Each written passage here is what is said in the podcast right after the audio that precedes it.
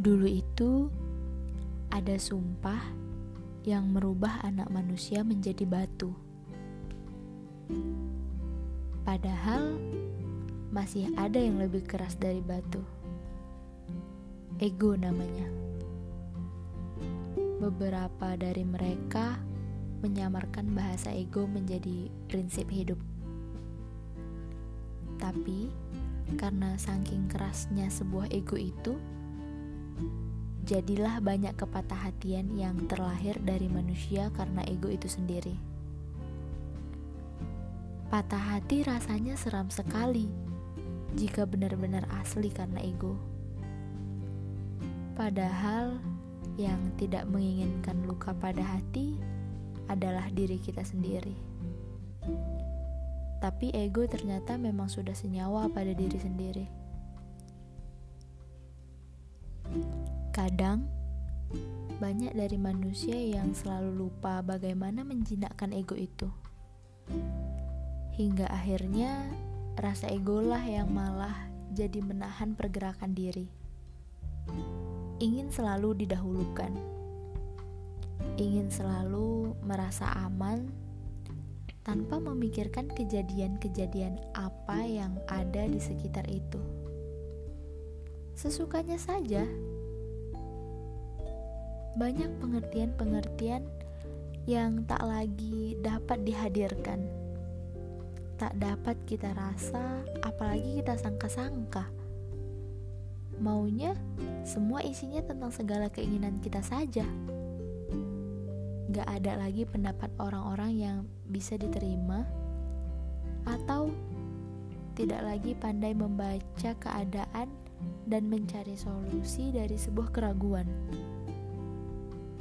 sesekali akan mendarat rasa lelah pada jiwa yang masih suka mengalah, jiwa yang bisa kita bilang selalu mementingkan orang lain daripada diri sendiri. Dia lelah karena dia terus-terusan yang mengontrol rasa ego miliknya, sedangkan orang lain selalu mengumbar egonya ke seluruh penjuru dunia.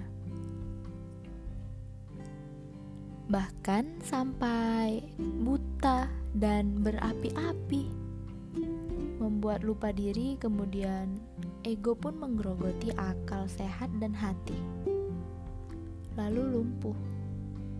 Pembuluh darah si pemilik ego pun seketika pecah. Dia buntu, gak tahu apa-apa lagi, gak tahu mesti apa, mesti gimana mau keluar dengan cara apa. Tapi, kalaupun nanti reda, dia akan begitu lagi, memilih berapi-api lagi, dan akan lupa lagi pastinya. Membicarakan sebuah keegoan yang dimiliki manusia bumi tak akan bisa menang dengan cara bagaimanapun banyak dari kita yang kadang tahu pada saat ego itu menjelma menjadi sebuah kebiasaan yang tidak baik. Tapi malah lebih memilih untuk selalu menyampaikan pada alam semesta dengan kata, "Ya, beginilah aku."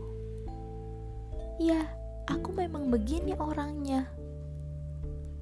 Selalu kata-kata itu yang ditunjukkan kepada alam semesta, diperkenalkan kepada manusia, manusia lain. Ada yang tahu, tapi dia seolah nggak mau tahu. Ada yang bisa berubah, tapi malah enggan dan memilih menggelengkan kepala. Entah itu takut entah itu memang benar tidak tahu bagaimana caranya.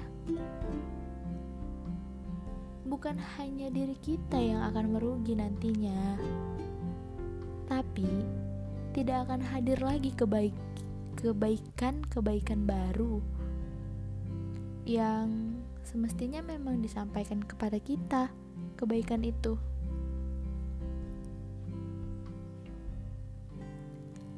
Kalau sudah seperti itu, ayo ajak egomu berbicara. Dengarkan. Dengarkan dia. Tanyakan apa maunya. Ajak dia berbicara dengan hatimu. Dengarkan dialog mereka. Dan kenalkan pada ego bahwa kitalah yang menguasainya. Dan bukan berarti harus selalu dia yang paling utama. Sampaikan saja pada ego itu, ya, kalau memang kitalah tuannya, dan dia itu tidak ada apa-apanya.